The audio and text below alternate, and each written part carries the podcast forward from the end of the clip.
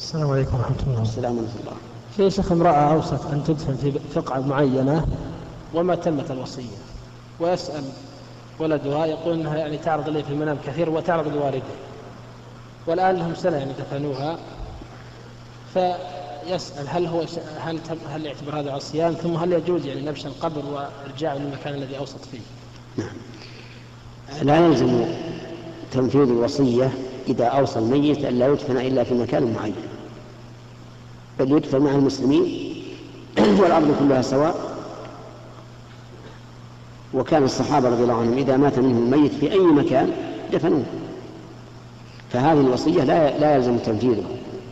وكونها تعرض له في المنام لأنه كان يفكر فيها. كان يفكر ومعلوم أن الإنسان إذا فكر في الشيء قد يراه في المنام. يعني ما يدخل تحت ولهذا عند الناس يقولون حلومها النجد حديث قلوبها نعم. ما يدخل تحت يعني هذا الوصية؟ أبدا هذا لا يجب تنفيذها لأن ما في مقصود شرعي.